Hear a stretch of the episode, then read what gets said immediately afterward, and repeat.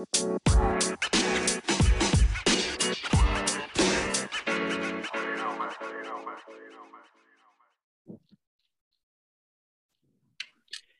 og velkommen til en ny episode av Jordbrukspodden. I dag har vi vært så heldige å fått med oss eh, Kristine Aasheim og Bent Myrdal fra, Bent Myrdal fra eh, Kumeieriene. Eh, for dem som ikke følger så godt med, kan ikke dere ta oss og presentere dere sjøl litt? Og så, hvis dere har noen litt sånn harde facts om Kumeieriet, hvor stor andel av melkemarkedet har dere, hvor mye produsenter cirka, og litt sånn litt sånn uh, facts om kumeieriene.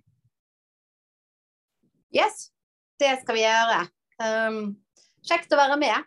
Og uh, da begynner jeg, eh, Kristine Aasheim. Jeg er jo da kusjefen, som de kaller meg. Um, det, er, det, er, meg du finner på melkekartongen til ku. Så hvis du har et uh, innspill på en ny innovasjon eller et forbedringsforslag, så er det bare å ta opp telefonen og ringe eller sende en SMS. Det er faktisk en god del som gjør.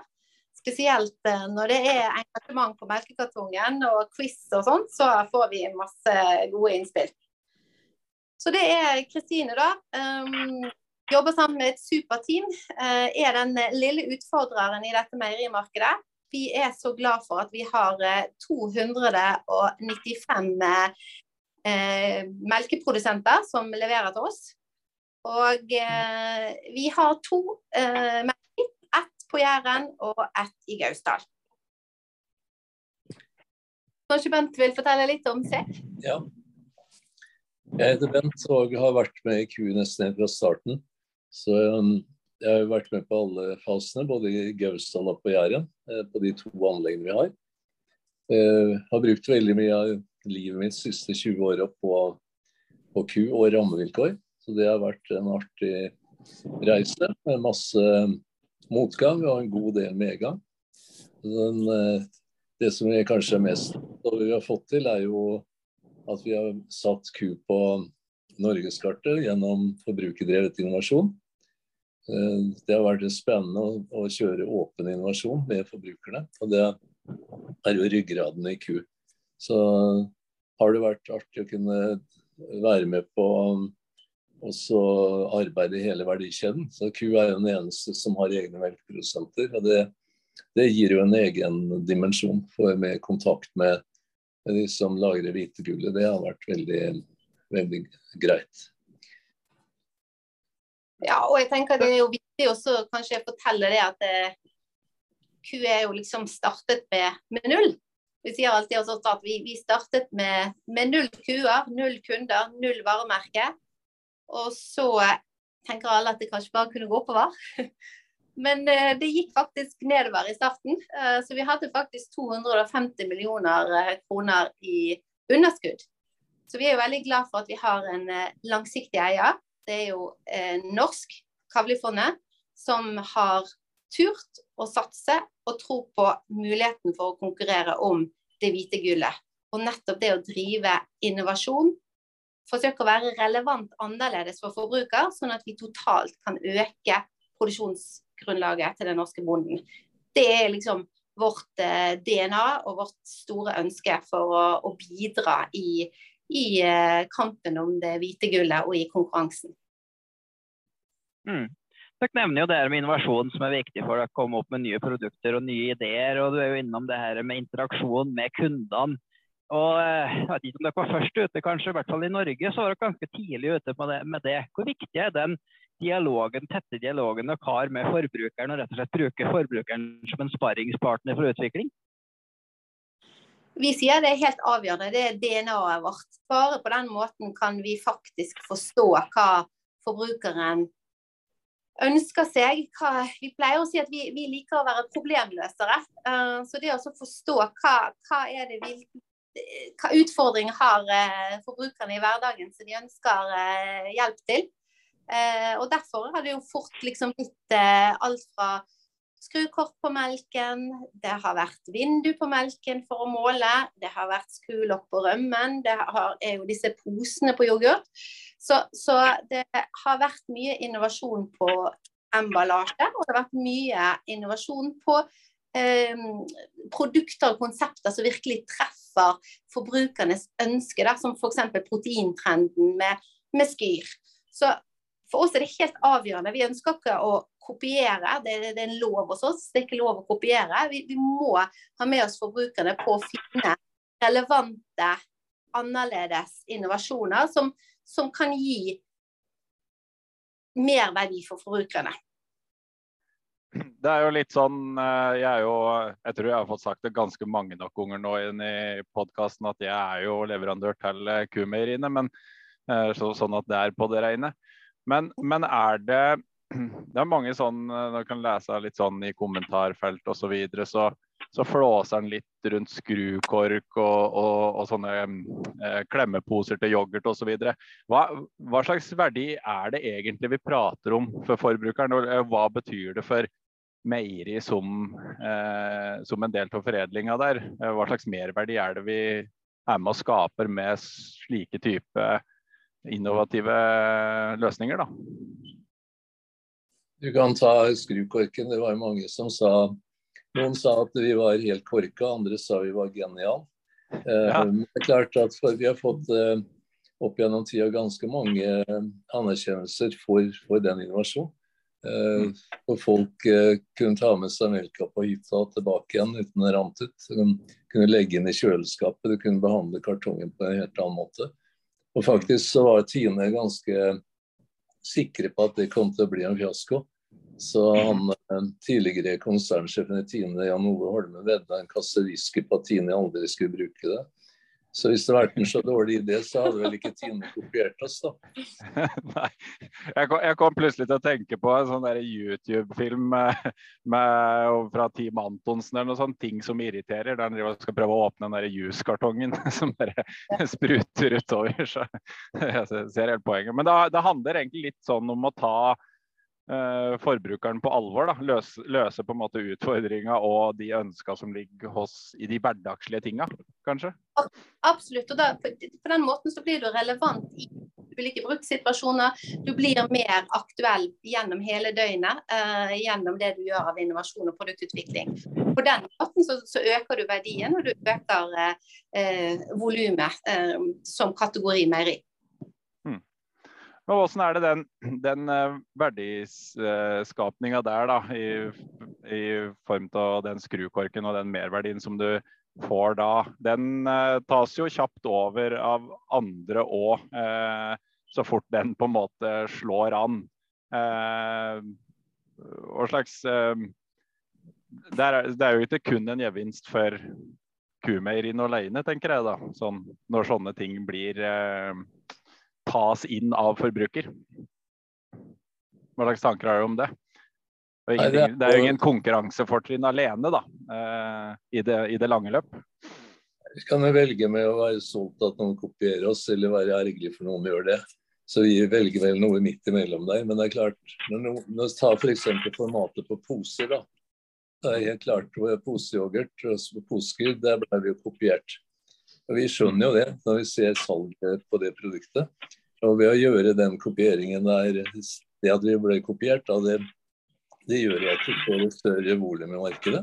For det var et pakningsformat som var sterkt savnet fra forbruker.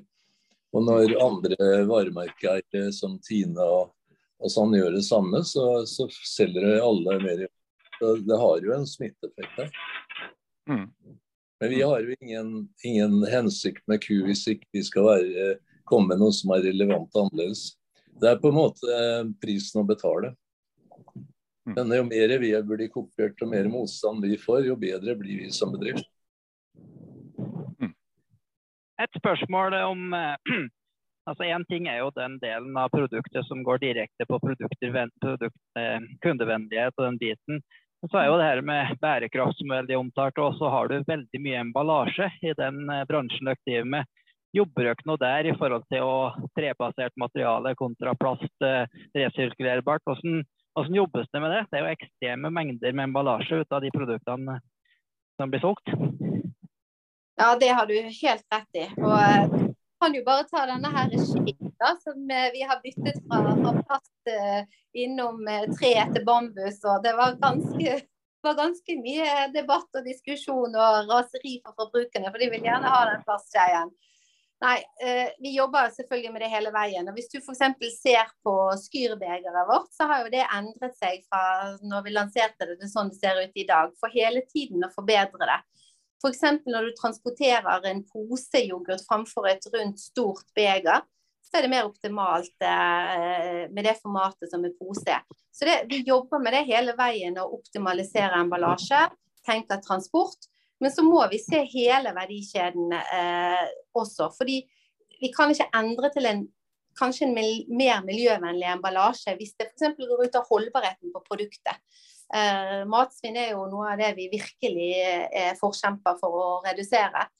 Eh, så, så, vi må på en måte se hele livsløpet til, til produktet eh, og gjøre vurderingen ut ifra det når vi, når vi skal tenke bærekraft og, og, og, og mer klimapositive produkt. Mm. Eh, dere har jo et veldig high-tech, moderne meieri på, på Jæren. Eh, der har dere jo kjørt noen automatiseringsprosjekter. Jeg mener jeg lest at dere hadde opptil en million norske kroner i feilplukk, som dere prøver da å eh, redusere ved å automatisere. Hvordan er det det prosjektet Eh, har gått, og hvordan lykkes dere med å automatisere prosessen ved å bruke mindre arbeidskraft? Det er en blanding. Jeg kjenner ikke helt til tallet på, som du nevnte, men sånn ut fra det så har vi typisk sånn tunge funksjoner som er i lager, og kanskje automatisert lageret vårt. Så, så, er det nok der vi ser det, det best, da. For da, kan du, da har vi bruk av roboter. Men sånn grunnkjernen i meieriet er egentlig kompetente superbra medarbeidere. Så maskiner kan aldri erstatte sånn, eh, et menneske. Så det ligger nok i bånn for oss, men vi ser at det har vært fornuftig å rasjonalisere gjennom robotteknologi, så har vi gjort det. Og det fungerer eh, veldig bra. Mm. Det er jo helt riktig. Vi har jo gjort nå en stor investering på eh, Jæren. Eh, så det er jo den største investeringen eh, noensinne. Det samme som faktisk Ku har investert i sine 20 første år, det er nå investert i det nye meieriet på Jæren. Og det er en kombinasjon mellom det å kunne fortsette å produsere melk med nye linjer som du faktisk må erstatte når, når det har gått så mange år Eh, til at det er eh, mulighet for å gjøre ny innovasjon. Eh, og tilbake til vår rolle, så er det jo det det handler om. Hvordan kan vi bidra til å gjøre melk mer relevant for forbruker? Hvordan kan vi øke eh, volumet og verdien av det norske hvite gullet eh, til forbruker? Så det er liksom vår rolle og vår bakgrunn for å gjøre den investeringen eh, på, på Jæren. Ja, vi tenker jo det at må jo være bra for alle norske melkeprodusenter at Kavlifondet, langsiktig norsk eier, vil investere over en milliard kroner i videreforedling av, av melk. Det, det, det, tenker jeg at uh, er veldig positivt for bøndene. Uh, vi har ikke akkurat fått så mange tilbakemeldinger på at det er det, men jeg tror at man skal tenke, på, tenke seg litt om uh, i forhold til konkurranse. for i mange anledninger så sliter vi jo med å opprettholde og forbedre råmelkgrunnlaget for produksjonsgrunnlaget for melk. Derfor så tenker jeg at den investeringen som vår eier Kavlifond har gjort her, er, er et, eh, ganske gunstig for norske melkeprodusenter. Vi skal eh, absolutt eh, tilbake og prate litt om eh, bondens fordeler med at det satses på mjølk her. For de som, for de som venter på oss på å stille de spørsmåla. Men men uh, Bent, kan ikke du si litt mer om den historien til ku? Jeg tenker at det er litt sånn interessant å få fram. Uh, du har jo vært med, som du sier. Ja. Uh, kan du ta oss tilbake til tid og, og, si litt om hvordan det hele starta, og hvordan vi endte opp der vi er i dag? Ja, det starta egentlig med Jæren gårdsmeieri i 1998. Det var det seks melkeprodusenter som starta å bygge et meieri. Um, det var uh, drifta var eid av Møllerinvest og Sørlandschips. Uh, I Gausdal så var det Sverre Jefsen som hadde starta i det gamle Tine meieriet, som vi bruker i dag. Uh, der kjøpte Kavli seg inn med noen aksjeposter. Uh, etter hvert så fant vi jo at det, det gikk ikke så bra som vi hadde tenkt oss, verken på Jæren eller på Gausdal. Så vi fikk et samarbeid med Møller Invest og Sørlandschips og de som eide på Jæren. Det endte med at Kavli fikk aksjene til, til de som hadde startet på Jæren. Og så kjøpte Kavli opp eh, aksjeposten til Sverre Jefsen i Gausdal. Og så i 2000 så kom jo Kumeieri i gang med de to enhetene som vi har i dag. Det var jo en kamp eh, først og fremst om å få melk, for det, vi fikk jo ikke den melka vi, vi skulle ha. Så vi, vi, måtte kjempe først med å få, få melkeleverandører i, til å ha noe melk å selge for. Eh, når vi har fått uh, melkeprodusentene om bord, så måtte vi finne noen kunder å selge til. Så det var ikke akkurat de prosessene gikk hånd i hånd. På den tida så var det jo et år uh, og oppsigelsestid for en melkeprodusent, så det tok et år å skaffe en ny. Så det var en ganske lang, lang prosess. Men heldigvis har vi alltid hatt gode nøkkelfolk som har klart å gå flere motbakker og beholde humøret. Det har jo gjort at vi vi har kommet dit. Det, det ble jo sånn at vi heldigvis starta med egne melkeprodusenter som er liksom knytta direkte til varemerket ku. Så kumelk er jo en merkevare pga. den strukturen vi starta med også.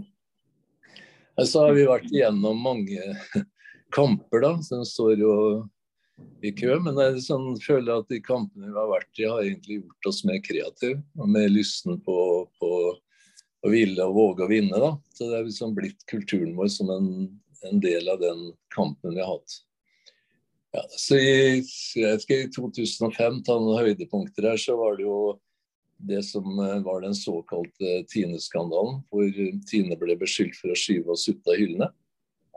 Det reagerte jo norske forbrukere kraftig på. Sånn at I løpet av 14 dager så, så dobla vi eh, omsetningen vår på melk. Det, det, var jo Det er typisk ku at vi tar de mulighetene som kommer. Men det en, var jo en fenomenal arbeidsinnsats av folka både på Jæren og Gausdal at vi fikk det til. Men det mest spennende var at når støyen la seg, så beholdt vi markedsandelene. Så det var, det var, også en veldig viktig del for ku. Og så med å ha med det i 2001, så, så kom jo Norgesgruppen til oss og spurte om vi kunne tenke oss å en riks, riksdekkende leverandør. Og det, da etablerte vi en riksdekkende distribusjon på under en måned. Og det, det er litt av kuen som kommer fram der når vi har gjort sånne, sånne grep. Da. Så til oss er raskt ikke raskt nok. Så liksom hele det der har jo vært med å bygge en kultur i ku. Får vi en mulighet, så tar vi. Så det er de egentlig så, så, har jo de egentlig da videreført allerede etablerte meierier. Det er ikke sånn at de har plassert et meieri der de syns det var gunstigst for deg sjøl i utgangspunktet? Nei, vi hadde ikke noe. Det som var, var jo at det var tre plasser i Norge du kunne ha meieri når du skulle drive med konsumelk. Det var i, i, Trøndelag, det var på Jæren og det var rundt Gausdal. Og mm. da lå jo to enheter her, en på Jæren og en i Gausdal, så de lå jo rett. Eh, mm. Og de ville foretrukket de plassene framfor Trøndelag, for det var lengre vei fra meieri til marked fra Trøndelag enn det var fra Gausdal og fra, fra Jæren. Så ja, det er riktig. Men, men, da, for å være litt, eh, litt sånn uhildet her, da. Når de da skulle bygge nytt uh, meieri nå, uh, var det i tanken da å etablere eventuelt en annen plass i tillegg, eller var det på en måte eh, å, å, forbedre og, og, utvikle den som allerede var på, på Jæren? Hvis du vil svare på det. Selv om vi er raske i beslutningene, så gjør vi jo regnestykkene, heldigvis. Så Vi gjorde også en runde her om det var bedre å, å flytte til andreplass i Norge, f.eks. på Gardermoen. Men eh, hvis vi så på totalen der, så var ikke det eh, spesielt lønnsomt, i, i, og med at vi var godt etablert der vi var. Og da hadde vi gode utgangspunkter i Jæren og Gausand. Men vi, vi regna nå på det, men det var ikke noe sånn totalt sett gevinst å, å etableres på en ny plass. Og så er det viktig å si det at sant, det meieriet vi nå har bygget, det er jo det er et påbygg av det vi har. Så vi bruker jo både det gamle og det nye eh, på felles eh, grunnstruktur, som er, som er, viktig for oss å ha med i det totalregnskapet. Mm. Mm. Um, dere er jo litt inne på det, men uh, Kumeri har jo både vært omdiskutert, bejublet og, og kritisert av forskjellige årsaker. Uh, og nå står vi jo midt inne i den PU-saken igjen. Noen vil jo da påstå at med deres meieriplassering, som er ganske strategisk eh, plassert, så skummer dere fløten i det norske melkemarkedet og henter inn melk der det er billigst og relativt nært forbruker. Og eh, hva tenker dere rundt en sånn type påstand i den situasjonen vi står i, i diskusjonen nå? Og det med at ja, dere har vært en utfordrer, og nå har blitt en ganske stor aktør. Omsetning, salgsvekst eh, og har tatt en stor markedsandel. Og at man på en måte forventer at kanskje nå er det på tide å stå på egne føtter. Ja, det, det, er mange gode spørsmål i det du sier der. Eh, la oss begynne med si, størrelsesforholdet. Så, så har vi en omsetning på rundt to 2 eh, milliarder, og vår konkurrent har 24, så vi er en tolvtedel av, eh, av, eh, av Tine. og når det gjelder markedsandeler, som du også spurte om innledningsvis, så har vi da rundt 26% markedsandel på, på, melk.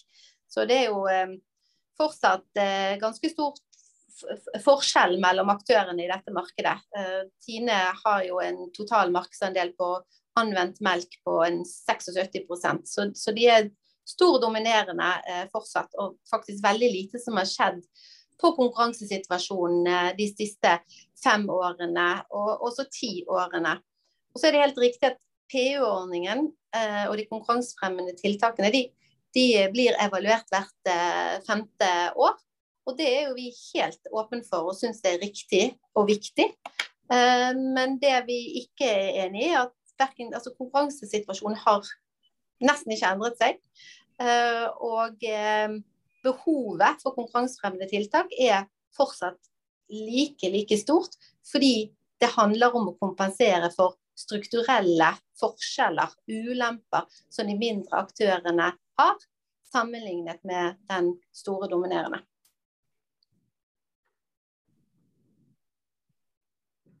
Ja, eh, men du, nevner det at konkurransesituasjonen ikke har utvikla seg så mye de siste fem årene tilbake i tid. Men eh, hvis du drar f.eks. på Coop, så vil du jo så at Rø Rørosmjølk er vunnet opp i en, og en eh, god aktør. Så det er jo ting som skjer i forhold til konkurranse og et større mangfold enn det vi har hatt. På drikkemelk er det helt riktig at der har eh, konkurransen totalt sett altså, eh, Tine har tapt totalt noen markedsandeler. Eh, men ikke mye. Eh, både Røros, Englandmark, Ku og Tine deler det markedet. Eh, også det som er utfordringen for drikkemelk, er jo at totalmarkedet går tilbake der. Eh, mens når det gjelder de andre kategoriene, så har jo det vært en vekst. Så, så, hvis du liksom ser på det totale melkeproduksjonen, så har den lagt relativt jevnt på 1,5 milliarder liter per år i hele perioden. Så det er egentlig en vridning i anvendelsen av melk fra drikkemelk til mer bearbeidede eh, produkter. Mm. Eh, det er litt innom det. Vi har ligget stabilt på 1,5. Nå er vi jo på tur nedover. Forholdstallet er jo ned til 0,96. Du er jo inne på det. Det er eh, lavere og lavere konsummelkforbruk. Hva tror dere om volumet framover, hvis vi liksom ser noen år fram i tid? Er vi avhengig av faktisk komme på noen gode innovasjoner på anvendelse av mjølk for å opprettholde volumet? Hvordan ser dere det liksom på totalvolumet for melkeprodusenten litt fram i tid? Har dere noen liksom tanker rundt eh, det?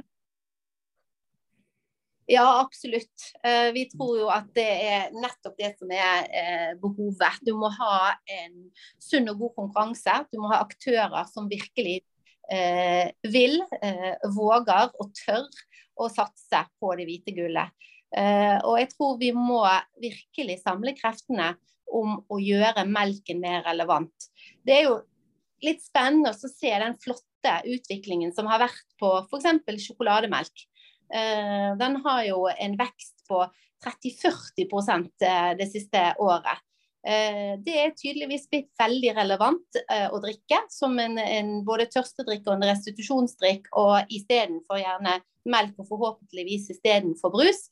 Eh, og det tror vi at vi må jobbe mye mye mer med i forhold til å gjøre det hvite gullet mer relevant. Innenfor drikkemelk, innenfor de andre kategoriene, skal vi klare å holde 1,5 milliarder, eller helst øke det. Mm. Ja, det er litt, Du nevner jo det hvite gullet mange ganger. her, og Er det egentlig noen andre råvarer som du kan prosessere og lage så mange utrolig forskjellige produkter av som eh, mjølk? For, så, hvor stor varelinje snakker vi om fra A til Å liksom, med basis i, i, i, mjølk som dere har? Hvor mange typer produkter er det som har basis i mjølk? Er stort sett alt. Uh, og det er jo uh, det, det, det er en kjempe viktig råvare. Det er en fantastisk råvare, og det er derfor vi kaller det det hvite gullet. Vi har det svarte gullet på, på, i Stavanger-området, og vi vi har, det hvite gullet. Og vi mener virkelig at det, det hvite gullet med, med, melken det er fantastiske muligheter og eh, et næringsinnhold som, som, forbrukerne virkelig trenger. Og da må vi gjøre det eh, virkelig relevant for den oppvoksende generasjon. Så det er, det er masse vi kan utvikle på det. og det er jo litt sånn det er litt gøy å se Skyr-eksempler, da. Hvordan man virkelig kunne treffe en, en trend rundt protein, og naturlig proteinrik, ved at vi oppkonsentrerer da melken. sant? En liter melk, eh, Du bruker tre liter melk for å lage en eh, liter skyr. Så da får du opp produksjonsvolumet. Du gjør produktet helt naturlig proteinrikt, og det blir virkelig eh, en trend og en innovasjon som du ikke kunne lese ut av statistikken skulle bli noe, noe eh, hit. Nettopp fordi du forstår forbrukerne og involverer forbrukerne og jobber med forbrukerne, så, så klarer du å lage et, et, en innovasjon, et konsept som, som, virkelig står seg år etter år. Det Volumutviklingen er jo veldig viktig, så vi er nødt til å være offensive der. Også på vegne av melkeprodusentene. La oss si at vi klarte å tette igjen det gapet mellom kvote og det forholdstallet som nå gjelder, så, så ville jo det vært en fort vekk en 75 millioner liter melk. Det. Hvis en regner en eh, dekningsbidrag på ei ku på 50 000-60 000, da, inklusive tilskuddene, så ville jo det kunne vært nesten en halv milliard kroner i forsterkning også på økonomien til melkeprodusentene. Så vi ser jo sammenhengen mellom melkeprodusentene og, og vår eh, evne til innovasjon for å få økt mangfold og få økt volumet på melk. Så vi tenker jo sånn Det er jo ikke noe oljeboringsplattform der det ikke er noe olje. Det er jo ikke noe meieri der det ikke er noen melkeprodusenter. Så den, Vi hadde jo håpet at man kunne brukt mesteparten av kreftene til de forskjellige aktørene på innovasjon. Da. Eh, og at vi kunne få systemer som gjorde at man kunne investere med viss sikkerhet. Da ville vi kunne kanskje klare å hente de inntektsmulighetene som ligger, helt åpent ligger der. Når vi, når vi, da er inne på og prater om at uh, det går tre liter mjølk da, på én liter skyr osv., og så knytte dette her litt opp mot prisutjevningsordninga og på en måte den avgifta som uh, legges på drikkemjølk for å på en måte jevne ut de andre produktene. Kan De si litt om uh, hvis, vi, hvis, hvis vi dreier mer og mer mot eh, andre typer produkter enn ren drikkemjølk, og hvordan, hva slags plass har prisutjevningsordninga og slik den fungerer i dag i det systemet, i den framtida? Vet ikke om det var helt klart spørsmål, men mulig mm, Skal vi se, altså, tenk, Du tenker i forhold til at eh, sånn, inntektene til ordningen handler jo om å få inn på avgifter fra myse, fløte og, og, og melk. Sant? Og hvis melkevolumet går ned, så får vi også et mindre volum å, å, å, hente avgiftene på. Mm. Ja. Og så er det jo selvfølgelig da eh, den omfordelingen igjen da, til, eh, til, de andre produktene som får tilskudd, som ost og pulver. Eh, så er det innfrakten, og så er det de konkurransefremmende tiltakene som også får, eh, får tilskudd. Så det er klart at den balansen der eh, er viktig å utrede, så vi kan ha en robust ordning for fremtiden. Eh, og Derfor har jo vi vært veldig opptatt av at når vi skulle gjøre denne evalueringen nå, så måtte vi se hele PU-ordningen. Eh, ja, drikkemelk har gått tilbake 2-3 eh, hvert år. Hvordan mm. skaper vi en robust ordning ti år frem i tid, som, som virkelig sikrer det som er PU-ordningens eh, hensikt, nemlig at det er lik pris uansett hvor i landet, lik pris uansett anvendelse, og ikke minst at det skal kunne maksimere volumet på melk. Og derav maksimere volumet handler jo igjen om at det skal kunne være mulig å konkurrere og effektivisere aktørene. Ja, vi er jo avhengig av de her rammevilkårene eh, i sum. ikke sant? Både importvern, det med markedsregulering og prisutjevningsordningen. Eh, så er, disse tingene henger jo sammen i et korthus. Så de, de, er jo gjensidige, ofte avhengig av hverandre. Så det er viktig at vi ser det som, som totalløsninger da, eh, for både bonde og for industri. Jeg tenkte når vi først var inne på det nå, så veldig interessant å prate litt mer om markedsregulering og, og tollvern nå. Men eh, kan ikke si litt om den utredninga som har vært i Landbruksdirektoratet nå om de konkurransefremmede tiltakene? Og hvordan den prosessen har vært, og, og, hva som på en måte nå Som har kommet fram til så langt?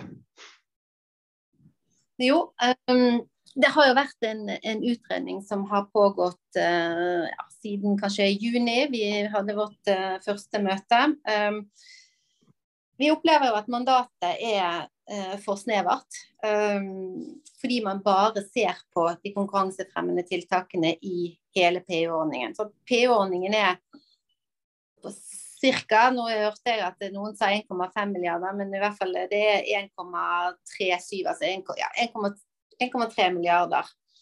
Uh, og det å bare se på de konkurransefremmende tiltakene i en total ordning, det blir for snevert. Det er kun 14 vi da sitter og evaluerer. Og det er et totalt system eller et korthus uh, uh, som, som Bent er inne på. Uh, så vi har vært veldig opptatt av at vi ønsker en robust, helhetlig ordning som nettopp kan tjene hensikten. Og Derfor må vi se på, på det helhetlig, eh, sånn at vi kan oppnå hensikten med, med PU-ordningen. Eh, og, og, og, nettopp det der å forstå at, at PU-ordningen er jo avgifter som hentes inn, som legges på produktene. så Sånn sett så er det jo forbrukerne som, som betaler for at vi har eh, PU-ordningen. Um, og så omdisponerer vi de midlene som vi mener er riktig i forhold til da, ost og pulver og innfrakten, og også da at det skal være mulig å konkurrere på like vilkår. Og Det betyr like vilkår at vi retter på de strukturelle ulempene som de uavhengige aktørene har.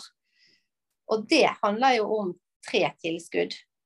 Uh, og de tilskuddene det er kapitalgodtgjørelsen, som, som, har vært snakket om her flere ganger, eh, og som jeg opplever at direktoratet også forstår godt.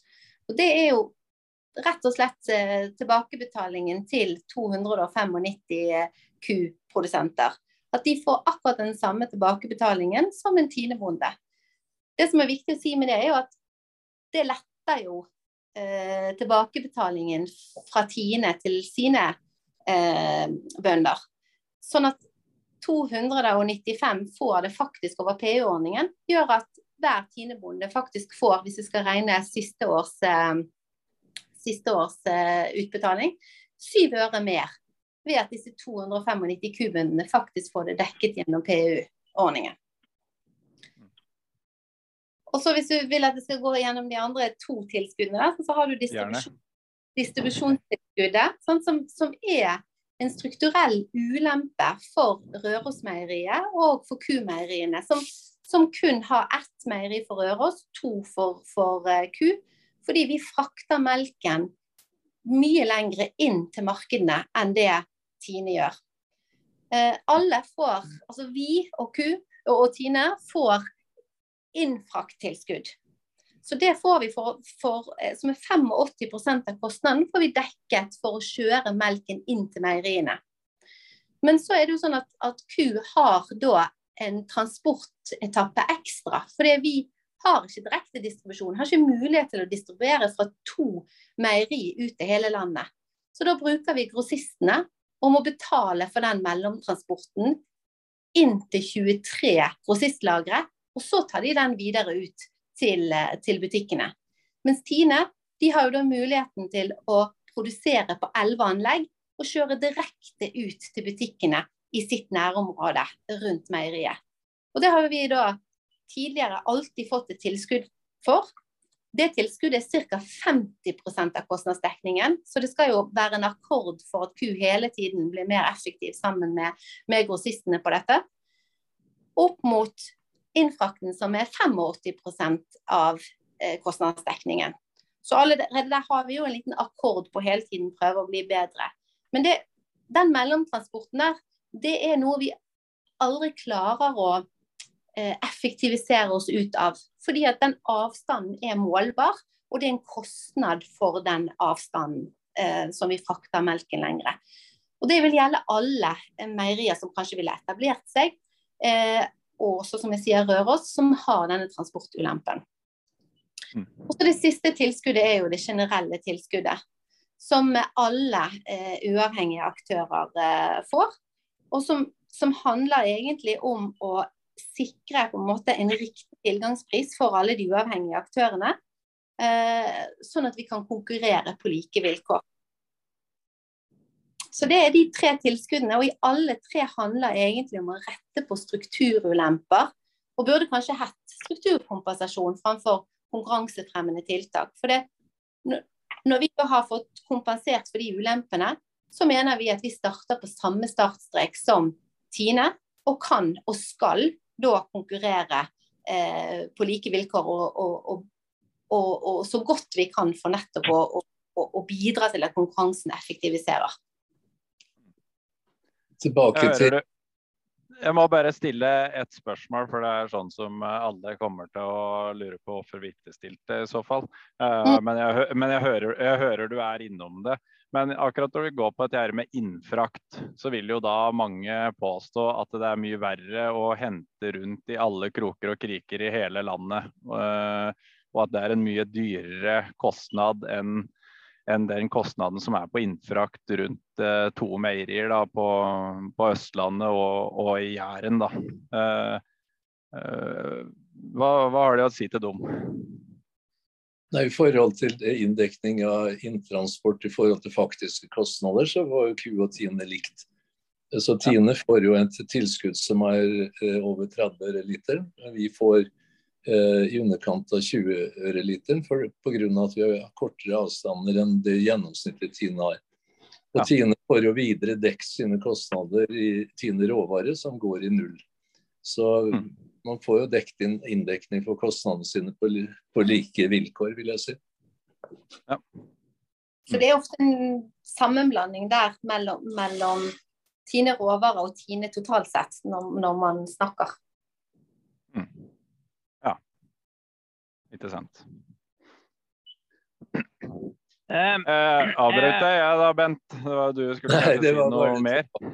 Selve prosessen, altså, den har vært både bra og dårlig. Altså, vi hadde jo håpet og håper fortsatt på en del utredninger som kan ta et mer helhetlig grep. Når en først eh, tar liksom lokket av kjelen, så hadde vi eh, ment at det var, mener vi at det er riktig at kanskje starte med litt forutsetninger hva er vi egentlig vil med eh, melkeproduksjon i Norge? Eh, og, og, hva er de landbrukspolitiske målene, og hva er de konkurransepolitiske målene i den perioden vi nå skal inn i. Så, så jeg tror det hadde vært fint å tenke litt eh, på hva er vi egentlig vil. Eh, F.eks. hvor stort skal produksjonsgrunnlaget i Norge være? Hvor, hvordan skal økonomien til melkeprodusentene være? Og hvordan skal konkurransen da innrettes? Alle disse tingene er, har, vi, har vi blitt avvist på, det er, er vi ikke fornøyd med. Så jeg syns jo selve eh, arbeidet med rapporten har gått, det har brukt altfor kort tid til å se på så store spørsmål som vi er oppi her. Og Det har vi jo sagt til landbruksministeren flere ganger, at bruk mer tid på dette. Lag mer robuste løsninger som kan være også en vinn-vinn mellom forbruker og melkeprodusent. Så er vi fornøyd med Vi ser jo at mange av de argumentene som vi har framført med de berettigelsen av de tre tilskuddene, det kommer jo fram i rapporten at vi får støtte for. Og Det er en positive side. Men hadde, vi hadde jo håpet på at eh, man kunne eh, vært noe mer langsiktig og tenkt litt mer helhetlig. Så Det har vært litt artig å satt noen ordentlige mål for melkeproduksjon i Norge. For vi tror genuint på at det går an å drive utvikling her, og går an å gjøre innovasjon. Og så burde vi egentlig hatt mye mye mer eh, kraft på å bekjempe importen. Mm. For å ta det før vi slipper den og Ola litt der, at uh, hva er det direktoratet konkluderer med for å få det klart og tydelig fram? Ja, det, det, er en omfattende eh, rapport. Den er på over 200 sider med noen vedlegg i tillegg. Eh, men eh, kapittel fem, da, som er kanskje det, oppsummeringen, eh, den er ganske så tydelig på at eh, dagens konkurransesituasjon er i betydelig grad et resultat av at vi har hatt disse tiltakene.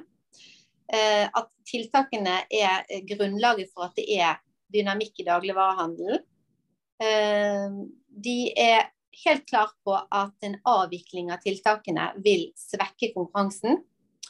Og da sier de også at eh, nettopp hvis du da svekker konkurransen, og svekker de konkurransefremmende tiltakene i PEU, så vil det kunne gi sterkere insentiver til å utvikle mer import. Uh, og så til slutt så er de også innom det at det er viktig å skille mellom finansieringen av tiltakene og nettopp formålet med tiltakene. Så de er jo eh, opptatt av at vi, vi, må ha tydelige og gode kriterier for tiltakene og hvordan de skal fungere. Det trenger direktoratet noe mer for å kunne evaluere eh, hvert femte år, eller kanskje vi skulle ha eh, evaluert eh, ikke så ofte i forhold til hvis du ser historisk nå, hvor lite som egentlig har skjedd på konkurransen. Så kommer det klart fram, sånn som vi leser rapporten, at eh, det er bra at, no, at, vi konkurrerer i hele verdikjeden med egne melkeprodusenter. Og så kommer det helt klart, i og med at melkeprodusentene som forlater Tine, ikke får med seg sin reelle kapital når de går til, en, til oss, da, så skal det eh, kompenseres med en kapitalgodtgjørelse som matcher til Tines utbytte. Det, sånn som vi leser rapporten, så, så får, vi, får, man klar støtte en sånn modell.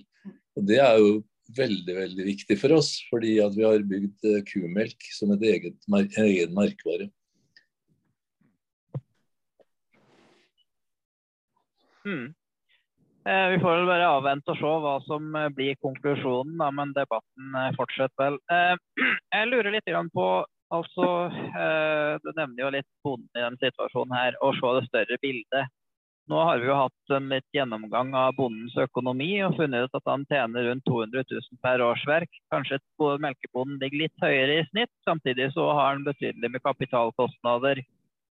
Eh, hva tenker dere rundt det at dere har leverandører som rett og slett ligger på en lønn som er på kanskje en fjerdedel av snittet i samfunnet? Og hvis det her har vært et produkt dere har kjøpt fra et uh, annet land, så kunne vi ikke akkurat kalt det fair trade og en bærekraftig verdikjede.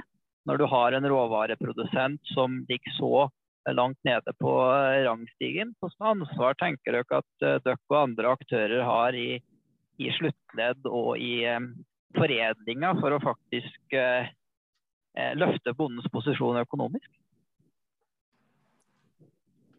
Det som vi tenker sånn i utgangspunktet, så vi mener ikke på tull at eh, hvis det ikke er noe olje, så er det heller ikke noen oljeboringsplattform. Derfor kaller vi melka for hvite gullet. og det, det, er ikke bare spøk. Vi mener at bonden skal ha en robust økonomi. Det er vi helt avhengig av. Da er det noen verdier som skal inn her i beregningen. og det det er det med jordverdiene, det er det med dyrekapitalen, det er det med driftsbygninger og, og fjøs. Da. Og så skal selvfølgelig bonden ha et vederlag for den jobben han gjør. Så Det er jo en sånn grunnholdning. Og så kan du si hvor stort er avviket. Det er vel kanskje ikke vi mester til å um, estimere, men, men ser liksom nå så har jeg tatt en liten sånn spørreundersøkelse blant våre melkeprodusenter. Og da er det jo manglende kostnadsinndekking på diesel, kraftfôr, gjødsel og, og finanskostnader. Til sammen så blir det i hvert fall en krone og 50 øre. Så vi mener at uh, man må ta ut den prisen som, som skal til da, for å dekke kostnadene og for å gi bonden avkastning, sånn som jeg skisserte tidligere. Uh, det, det, er noe vi også har fremma i media. Mm. At vi mener bonden skal ha en anselig betaling. Uh, vi er helt avhengig av at melkeprodusentene også reinvesterer, så ikke det blir kortsiktige eh, investeringer. Også på, på melkeprodusenten som Og nettopp det med forutsigbarhet, viktigheten i forhold til det når du da investerer, eh, har vi vært veldig tydelige på det i forhold til behovet for at konkurransen og gjennom PU. Det må være en forutsigbarhet på de konkurransefremmende tiltakene, sånn at man tør å investere. Sånn som nå har gjort. Og På samme måte så ser vi det med våre egne leverandører, hvordan de har eh, investert f.eks. i, i løs, eh, løsdrift. Så det er klart det må være en forutsigbarhet på den kapital du investerer, eh, og at du får virkelig betalt for det. At du du har det produksjonsgrunnlaget som, eh, som, du forventer å ha, og som regnestykkene dine skal gå på. Så må det være såpass økonomi at uh, ungdommene som skal overta gård, også finner det interessant da, i forhold til å jobbe en annen plass. Mm.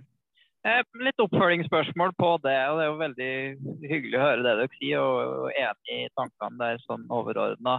Men så har vi jo da òg mange i melkemarkedet som sier styrker vi råvareprisen for mye til bonden, så går det utover volumet. Eh, og så har vi jo kikka litt tidligere her i forhold til hvor mye drikkemelk har økt i butikk de siste fem år. Da ser vi jo det at du har en, en veldig stigning i butikk og en liten stigning på råvarepris. Eh, og så er jo volumet i en fallende trend, men det er jo andre forbrukertrender etc. osv. som påvirker volumet. Men hva tenker dere rundt det her med altså prisoppgang er lik volumnedfall? Er det en myte, eller er det faktisk? Eller er det noen priselastisitetsanalyser som kan si noe om altså Hvis du setter opp melkeprisen f.eks. to kroner da, i løpet av de to neste årene, vil det ha noe påvirkning på det totale melkevolumet? Det er et veldig godt spørsmål, og det er jo kanskje der det, det mangler en del analyser på nettopp det å forstå prisfølsomhet eh, på, på, drikkemelken. Det, det, har egentlig kanskje vært et lite eksperiment nå før jul. Var, da var det priskrig på melk. Eh, vi ser ingenting på volumene. Så når prisen eh, gikk ned, så skjedde det jo ingenting med volumene. Og heller gjerne ikke når det går motsatt vei, når du ser prisøkningen som har vært, opp mot at volumene har gradvis dessverre gått tilbake ca. 2% hvert år. Og så hadde vi perioden med pandemi hvor, eh, hvor det faktisk var eh, fin volumvekst. Og flere folk som var hjemme og drakk melk, og det var mer relevant for situasjonen. Så jeg tror at det er vanskelig å, å si hvordan det ville slått uten at vi gjør skikkelige analyser på det. Men, men i utgangspunktet så tror ikke vi at det kommer til å påvirke volumet i stor grad. Eh, litt videre av den. Så du er jo innom altså, drikkemelkvolumet faller, så har du en svak økning ost, yoghurt, og andre produkter. Um, og så vet vi jo det at på drikkemelk så har vi et veldig godt tollvern. Det er vel rundt oppi 35 kroner du teoretisk kunne solgt norsk drikkemelk uten at du har vært billigere å kjøpe svensk melk. Uh, så vet vi det at på ost og en del der så er det problemer med tollvern. Og på råkprodukter har man eh, problem. Og så vet vi at PU-ordninga fungerer jo Den har jo mange, mange hensikter. Men bl.a. så subsidierer jo osteproduksjon ved å selge mjølka litt dyrere i butikk eh, for å redusere prisen på ost. Og da er jo spørsmålet der kunne man teoretisk eh, økt pris i butikk mer, tatt det tilbake via PU-ordningen, subsidiert ost og andre eh, meieriprodukter, for å da opprettholde volumet, samtidig som man utfordrer og får opp råvareprisen på eh, norsk mjølk, uten at eh, vi får mer import. Det var kanskje et litt eh, langt spørsmål, jeg vet ikke om dere skjønte hva jeg tenkte? Du kan godt ta det i en forenkla versjon. Ja, eh, altså Poenget mitt er jo at vi har tollutfordringer på ost og andre meieriprodukter. Men du har nok tollvern på drikkemjølk. Ergo så kunne du skrudd opp prisen i butikk ganske mye. Mer enn produksjonskostnadene og behovet for verdikjeden totalt. Så subsidierer du osten, sånn at du da får eh, billigere ost som da konkurrerer med utenlandsk ost. Sånn at du får heva melkeprisen til bonden uten at det blir mer import. Mm. Vi, vi, avviser ikke den ideen sånn med en gang, men det er jo nettopp derfor vi ville ha en helhetlig utredning for å ta akkurat de spørsmålene der. Vi har, vi har jo også eh, på yoghurt og på smaksatt melk, eller melk med smak, eh, veldig lavt tollvern gjennom de råksatsene som er. Så vi burde absolutt sett på det. Så vi gjorde jo det for noen år siden, hvor vi tok avgiften på yoghurt fra to kroner ned til null. Eh, både for skyr og yoghurt så ga det en bedre konkurransesituasjon. Så det er jo sånne ting som du er inne på der. Vi burde konsekvensutreda i en mer helhetlig utredning. Det er derfor vi gnager på det til det evinnelige. Men vi tror du er borti noe som er veldig viktig å, å utrede. Og se hvordan man kunne innrette dette på en bedre måte. Jeg har eh, Eh, for, for, å prate om noe litt sånn mindre alvorlig her, så har jeg ett spørsmål som en uh, Ola er veldig nysgjerrig på. Jeg vet ikke om du vil ta det sjøl, eh, Ola, når det gjelder smaksatt mjølk? Ja, hvorfor i alle dager smaker sjokolademelka deres så mye bedre enn konkurrenten sin? Har dere en hemmelig oppskrift der, eller uh, hva er ja. årsaken? Ja, vi har en hemmelig oppskrift. Nei, vi har ingen hemmeligheter. Nei, det, det, skal jeg fortelle deg. Norges beste sjokolademelk den er laget på fersk melk. Det er en annen prosess. Derfor har den også kortere holdbarhet, men den er laget på fersk melk. Da fikk du svaret ditt, Ola. Mm. ja. Og så kan jeg også si sånn, ja. ku, kumelk. Eh, vi begynner å nærme oss tampen her, men en par ting også som jeg lurer litt på. Altså, Dere har jo litt sånn selvfølgelig vekstambisjoner. Eh, dere har vel uttalt noe sånn 10 vekst per år eller noe i den døren. Eh, ser dere for dere at det framover er å ta markedsandeler, eller er det mulig å utvide markedet? Og så høre litt på Tine driver jo og ser litt på muligheter for eksportmuligheter. Er det strategier kumeieriene har òg, eller? Eller er det kun ku, eh, norsk melk i Norge solgt til norske forbrukere? Jeg vil jo si det, begynne med at um, det er innovasjon som driver oss. Og det er å gjøre kaken større som er vår uh, igjen rolle og, og, DNA. Det er å gjøre uh, melken mye mer relevant å anvende den til norske forbrukere akkurat sånn som de ønsker den. Uh, så det er fokuset vårt, å gjøre kaken større. Uh, og vi har egentlig ikke jobbet så mye med utenfor Norges uh, grenser. Vi har hatt mer enn nok med å konsentrere oss om å lytte til den norske forbruker og virkelig forstå den. Og ikke minst nå, rett og slett Vi, vi er en ganske liten gjeng som jobber i, i Ku. Og alle gjør litt av eh, alt. Eh, så nå eh, de siste to årene har vi brukt på å bygge dette nye meieriet. Og dessverre slåss om eksistensgrunnlaget vårt, som er de konkurransefremmende tiltakene for å kunne starte på samme startstrek og konkurrere. Så vi har ikke begynt å utrede muligheten for, for eksport enda. Det vi tenker er vel at vi har også en konkurranse, eh, konkurranse, mellom forskjellige drikker. da. Og det er jo klart at Før vi skal begynne med eksport, så vil vi danke ut eh, Cola og Red Bull av Norge, og så erstatte den med drikkemelk. Mm. jeg kom på en ting til her kommer. Vi er så, vi er så nysgjerrige. at det er helt håpløst. Vi kunne snakka i evigheter. Men eh, eh, dere har vel eh, eh, noe produksjon, jeg vet ikke om det er outsourca i utlandet. Er det noe aktuelt å ta det hjem, sånn at dere har en helnorsk eh, produksjon? Jeg vet ikke om det er et produkt eller bare eller hva det er. Nå husker jeg ikke helt. Er det mulig jeg er litt på glattis. Jeg prøver meg. Ja, men det er også sånn det, er, det har vært dessverre mye mye myter som, eh, som spres om ku. Eh, og da har det vært nettopp det at ku er utenlandsk og det ikke må på. Og det er helt riktig. Vi, vi har eh, bitte liten andel, under en prosent eh, eh, produksjon i, i, Tyskland.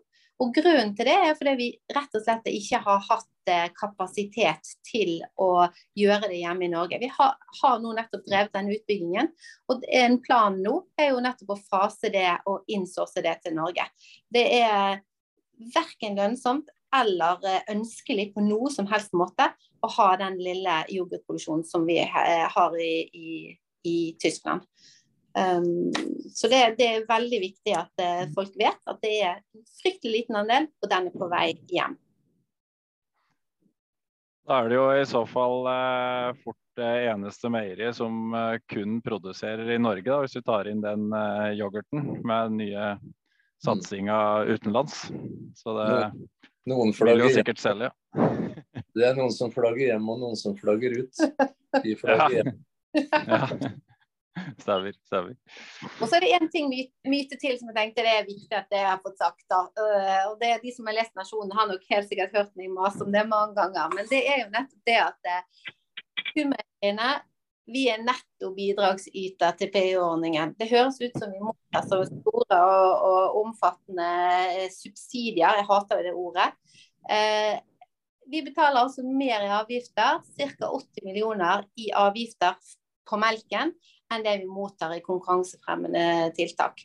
Så det er, det er viktig at lytterne hører og vet.